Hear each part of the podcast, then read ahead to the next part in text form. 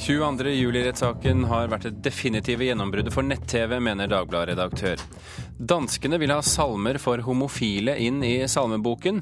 Og i Haugesund skal det inneværende døgn holdes 65 konserter av én og samme mann. Du hører på Kulturnytt med Birger Kolsrud Jåsund i studio. I dag avsluttes rettssaken mot Anders Behring Breivik. Den har ført til det definitive gjennombruddet for nett-TV i Norge, mener Dagbladets redaktør Jon Arne Markussen. Rapporteringen av rettssaken har vært den mest omfattende noensinne, og alle de store mediehusene har brukt store ressurser på dekningen. Jeg skal prøve å få med meg en av de eh, psykologene som nå vitner i, eh, i terrorrettssaken. Det får vi nok først vite på fredag, og her ser vi også at uh, dommerne kommer inn og retten skal gjensettes. Ola Brenneberg uh, står klar med en annen uh, som kommenterer terrorrettssaken. TV 2, NRK og VG har alle satset tungt på direkterapportering fra Oslo tinghus de seneste ti ukene. Det samme har Dagbladet og redaktør Jon Arne Markussen. Dette har vært en sak som har gått midt i arbeidstida til folk, og vi ser at vi har fått et definitivt gjennombrudd for nett-TV som medium. Leserne har nemlig klekket seg hyppig fram til liveoverføringene på dagbladet.no. Selv nå i det siste, på slutten av rettssaken, så har vi hatt oppi 140 000 startede videostrømmer i uka. Det kan imidlertid tenkes at retten synes eh, det er mer naturlig å føre Breivik inn under F 22, en paranoid psykose. Det er mest sannsynlig utilregnelighet, men samtidig så holder de fortsatt begge muligheter åpne. På kontoret sitt følger programdirektør Per Arne Kalbakk i NRK spent med på aktoratets prosedyre torsdag ettermiddag. Kalbakk tror de ulike mediehusene har vært mer opptatt av å ha en verdig dekning enn av å konkurrere om seere. Men eh, det er klart at det, er, eh, at det har gitt eh, nett-TV-nyhetsdekning en helt ny plass i det norske medielandskapet. Det er jeg ganske sikker på. Via nettavisene sine har de store mediehusene også skrevet løpende tekstreferat inne fra rettssalen. NRK.no har hver dag hatt 66 000 unike brukere innom sitt såkalte direktesenter. Men med tre av ti nordmenn hjemme på dagtid har nett-TV likevel et stykke igjen til det tradisjonelle fjernsynsapparatet. Over en halv million TV-seere har daglig vært innom TV-sendingene fra rettssaken på NRK1. Vi skal være der med et eh, godt tilbud for de som ønsker å følge det gjennom dagen, og de som ønsker å oppdatere seg gjennom dagen. Og Det betyr at omfanget blir stort, og det er jeg helt sikker på har vært riktig. Det er mange som er interessert i å følge med, og som ønsker å få med seg mest mulig. Mange forbipasserende seere, lyttere og lesere i Oslo sentrum synes imidlertid det har vært for mye terrorrettssak i norske medier. Nei, jeg har egentlig bare styrt mest unna hele saken. Jeg er drittlei av han fyren. Nei, jeg har ikke fulgt med så nøye. Jeg har egentlig bevisst ikke gjort det. Jeg er svensk. Vi hadde 20 år av Palmemordet, og det kom ingen interessant ut av det heller. Men eh, det må finnes noen interessantere vinkel enn å fokusere på ham så hardt. Breivik har varslet at han vil anke saken dersom han blir kjent utilregnelig. Men ettersom partene er enige om sakens fakta, vil en eventuelt ny rettsrunde handle om tilregnelighetsspørsmålet, påpeker Per Arne Kalbakk. Så kommer det en ankesak, så vil vi dekke den i den bredden den fortjener, og være til stede hele tiden. Men jeg tror nok ikke omfanget vil bli like stort fordi saken ikke blir like omfattende. Reporter her, det var Gjermund Jappé. Frykten for at eh, rettssaken skulle gi Anders Behring Breivik en talerstol var stor før eh, rettssaken startet for ti uker siden. Lars Arve Røsland, eh, førsteamanuensis i medievitenskap ved Universitetet i Bergen, som forsker på forholdet mellom media og terrorisme. I hvilken grad vil du si at Breivik har fått en talerstol? Ehm, jeg syns at eh, mediene har vært flinke til å um, analysere og kommentere og tolke det som eh, eh, Breivik sjøl har kommet med. Spesielt var det tydelig i første uke, der, der, Breivik var, var hovedperson i, i, i retten. Ehm, så, så det er det første inntrykket. Men nå har vel Breivik også blitt stanset eh, av, eh, av, dommeren ved flere anledninger for å ikke eh, få lov til å si sine ting. Og det har også vært referatforbud på en del andre saker. Syns du det har fungert? ja, da har det kanskje. Det som jeg syns er mer interessant, det er hvordan disse holdningene som, som, Breivik synes å stå for, da, likevel har fått et feste i, i det offentlige ordskiftet gjennom denne rettssaken, uavhengig av dekningen, så å si. På hvilken måte da? Eh, på den måten at uh, her er det ekstrembloggere, så å si, for eksempel, som, som, aldri ville vært kjent i offentligheten uten denne, denne saken, denne omtalen. Og Da er det, er det helt uavhengig av om selve omtalen, presentasjonen av disse av våre nøytrale eller kritiske mediene, de er, de er, rett og slett blitt kjent. Og, og, og Da er det eh, viktig å, å, trenge ned i og å finne ut av hvordan eh, det offentlige ordskiftet om disse temaene er endra gjennom denne dekningen. At de har blitt kjent, er det bra eller dårlig? Det er vanskelig å si. Her har du jo to eh, hovedposisjoner.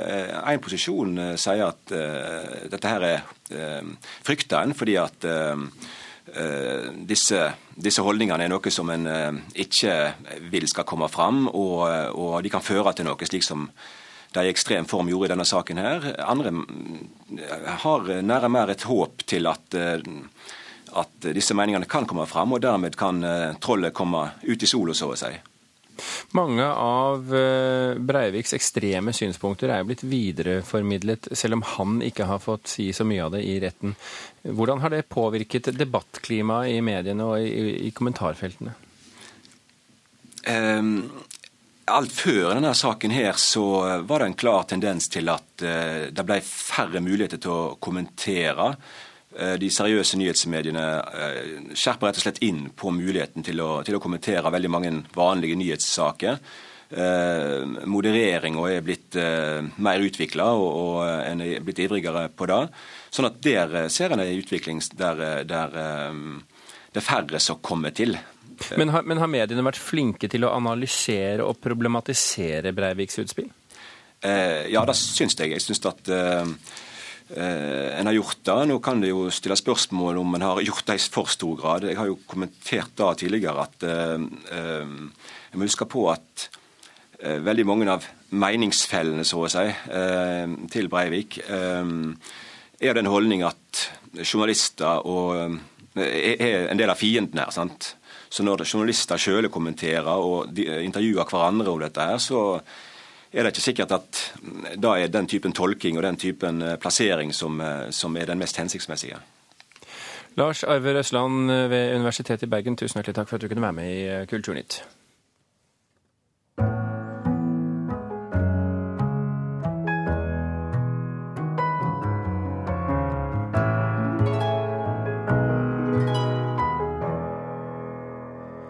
Danskene vil ha inn salmer for homofile i salmeboken. Sist helg ble det første homofile paret viet i den danske folkekirken, og nå har den danske avisen Politikken satt i gang en eh, konkurranse om å skrive den beste homosalmen. Konkurransen møtes med både jubel og skepsis i Danmark. Her i Norge vil den norske salmedikteren eh, Eivind Skeie få til en lignende prosess. Det er stort, det er riktig, riktig stort. Det er flott, og det er deilig. Det er, det er, fantastisk. Sist helg ble det første homofile paret, Sten og Elling, viet i Danmark. En ny lov og et nytt vielsesrituale gjør det nå mulig for likekjønnede å gifte seg i folkekirken. At Vi er to, Gud nå er danske salmediktere invitert til en konkurranse om å skrive homosalmer for brylluper. Bakgrunnen er jo at uh, vi nå i Danmark uh, har vedtatt at uh, homoseksuelle par også kan vies i kirken. Og i den forbindelse kom ideen opp øh, om at sige, jamen hvad betyder det så for de salmer, man skal synge øh, ved øh, hvilesen øh, i kirken? Og kan man synge de salmer, som, øh, som man øh, traditionelt synger, eller er der egentlig behov for, at der skrives nogle nye, som øh, tar i betraktning at man er av samme kjønn. Sier Anite Bay Bondegård, kulturredaktør i avisen Politikken, som er ansvarlig for salmekonkurransen.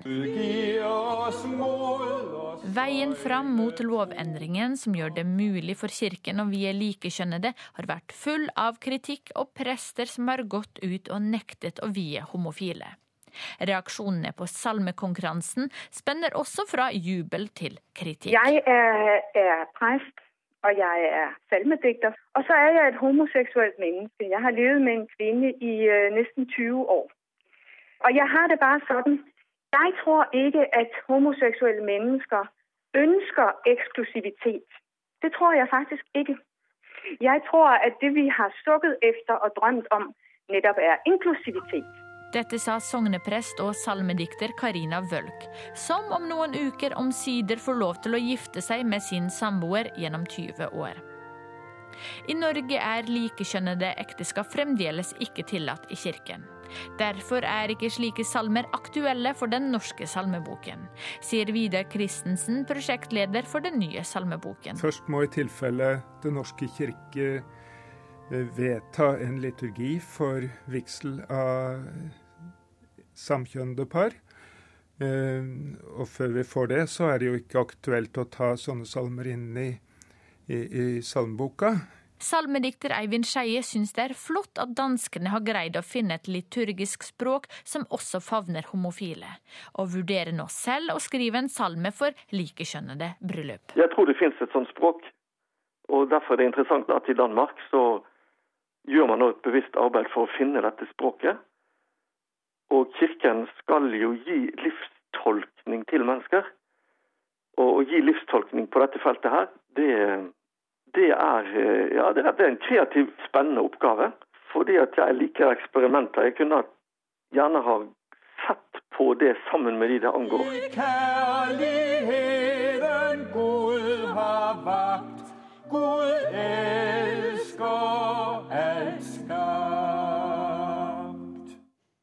Til slutt en av de homosalmene som kan finne veien til den danske salmeboken. Reporter i denne saken, det var Sofia Paskiewicz.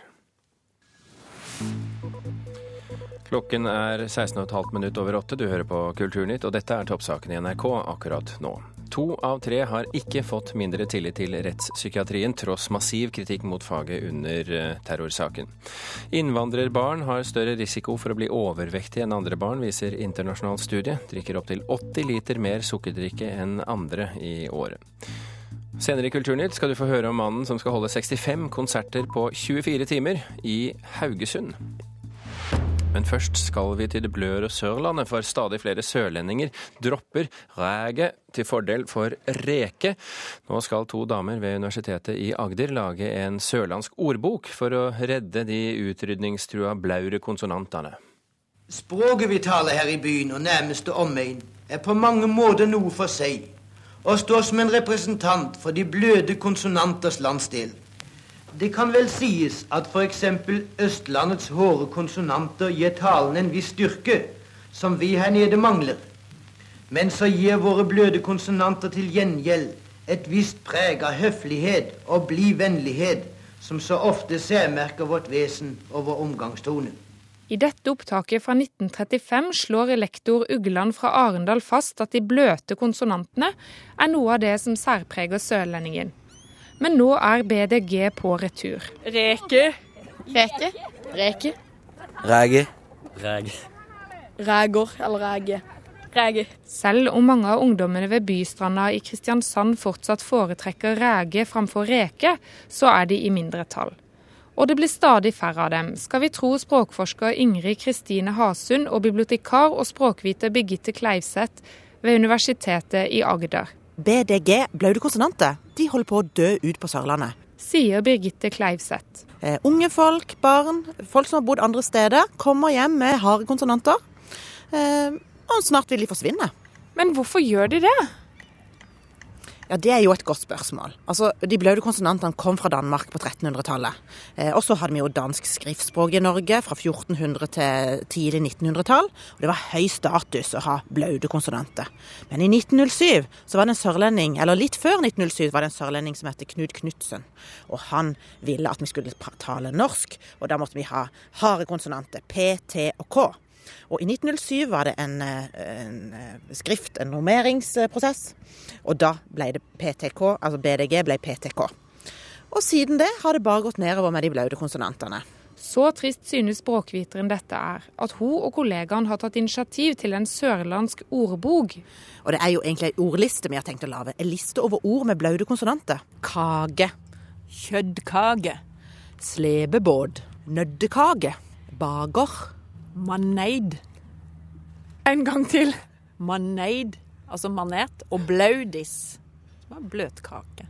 Nei, jeg tenker at vi må få opp stoltheten for de blaude konsonantene. Men hvorfor er det viktig å ta vare på de?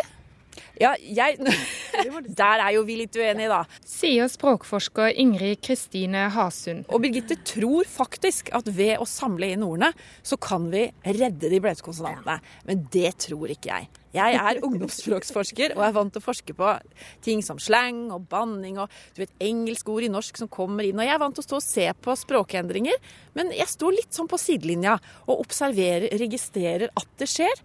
Og så tenker jeg ja, sånn er det. Men begge er enige i at de blaute konsonantene er koselige, og at de bør dokumenteres før de forsvinner helt. Og det er ikke bare på Sørlandet at de blaute konsonantene finnes. Det er visst et sted oppe i Trøndelag der de har litt blaute konsonanter, har jeg hørt. Og ellers er det jo faktisk noen i Oslo som fremdeles prater veldig pent. Bare hør på dronninga. Det er mitt håp. Hun sier håp med med, Med B. Det er jo fantastisk. Foreløpig så finnes denne ordboken på nettet, men målet er å gi den ut på papir før jul. Reporter i, i på Sørlandet, det var Miriam Grov. Helge Toft, som begynte å spille konserter i Haugesund klokken sju i går kveld, og som fortsatt spiller. Målet er å spille ikke mindre enn 65 konserter i løpet av ett døgn, og dermed få plass i Guinness rekordbok. Reporter Gisle Jørgensen, hvordan går det med rekordforsøket? Ja, Rekordforsøket det går egentlig veldig bra. Eh, han skal starte en ny konsert nå om tre minutter ved Sjøfartsdirektoratet. Helge Tofte, hvor mange konserter har du hatt nå? Eh, nå er vi på 35, 5, 6, 36 eller noe sånt. Jeg har, altså. jeg har ikke helt tellingen, jeg må innrømme det, men jeg har flinke folk rundt meg som teller. Ja. Hvor, hvor, lenge holdt du på i natt? Vi holdt på til fire. Eh, og da klarte vi å gjøre ja, over 30 utesteder og scener i, i Haugesund sentrum som var intenst. Masse, masse, masse folk og kjempestemning. Så det var veldig gøy. Ja, og nå er du på'n igjen og har hatt flere konserter i dag morges? Ja. ja, vi er nødt til det hvis vi skal klare dette greiene her. Eh, nå har vi lagt lista høyt. da. Altså Verdensrekorden er jo 55 konserter. Eh, men vi ligger akkurat nå på et skjema til 66 eller noe sånt. Og alle konsertene må vare minst ti minutter? Ja, og det er ikke noe problem. Det går. Det går, det går veldig fint. Eh, problemet er jo å variere på, eh, på, innholdet. altså At vi ikke spiller den samme sangen hele veien. Men det, det har vi òg klart. Ja. Hvordan går det med stemmen? Jeg snakket med deg for tre kvarter siden. Da var du hås? Ja, nå begynner den å komme igjen. Hører du? Eh, jeg, har, jeg, har, som sagt veldig flinke folk rundt meg som fôrer meg med knallvarme te og halspastiller. Så nå er han på gang, og så tror jeg han blir varmere utover dagen. Gis, du må ha et team rundt deg for, for, å klare dette her? Ja, herlighet. Og det har vi. Så vi ligger akkurat på minuttet på skjemaet til og med. I går så landa vi nesten på en halv time foran skjemaet. Så det tyder på at det er dyktige folk i sving. Eh, så jeg er utrolig takknemlig for det. Eh, så det ser ut som dette skal bli en verdensrekord, faktisk.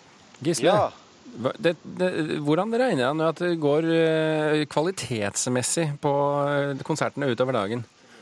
Ja, Hvordan kommer det til å gå kvalitetsmessig, tror du, utover dagen? Det, gå, det, er veldig viktig for oss at det er, at det er skikkelig. At det er kule konserter, og at det er Helge Toft. At det er litt eh, morsomt. Og, ja, altså det er jo mine sanger jeg spiller, så kvaliteten er så bra som man eh, bør være. Eh, det er selvfølgelig ingen krav fra Guinness om at kvaliteten skal være bra, men det, det, er bra. Jeg tror det er folk koser seg. De gjorde iallfall det i går, og de har gjort det til nå i dag morges, faktisk. Ja. Og Du skal på skoler nå i dag, du skal på Kultursenteret, Billgalleri, på diverse scener, og så avslutter vi med storkonsert i Haugesund sentrum eh, ti på sju. Ja, og den gleder vi oss veldig til, for der kjører vi inn hele bandet og fullt uh, trøkk, og der spiller vi enda mer fra plata. Så det, det, er jo den jeg er, egentlig er mest bekymra for. Uh, for det har jeg lyst til at stemmen skal holde helt inn der. da. Og så har jeg lyst til at det fine været i Haugesund skal holde at, at det i hvert fall er brukbart vær akkurat da. Nå er det et halvt minutt til neste konsert. Spring av gårde. Takk for det, og tusen takk eh, for at du stakk innom.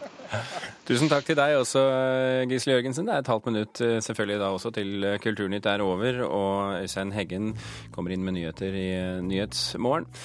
Vi kan eh, da bare ta med at eh, Kulturnytt i dag var levert av Tore Moland, Espen Hansen og Birger Kolsrud Jåsund.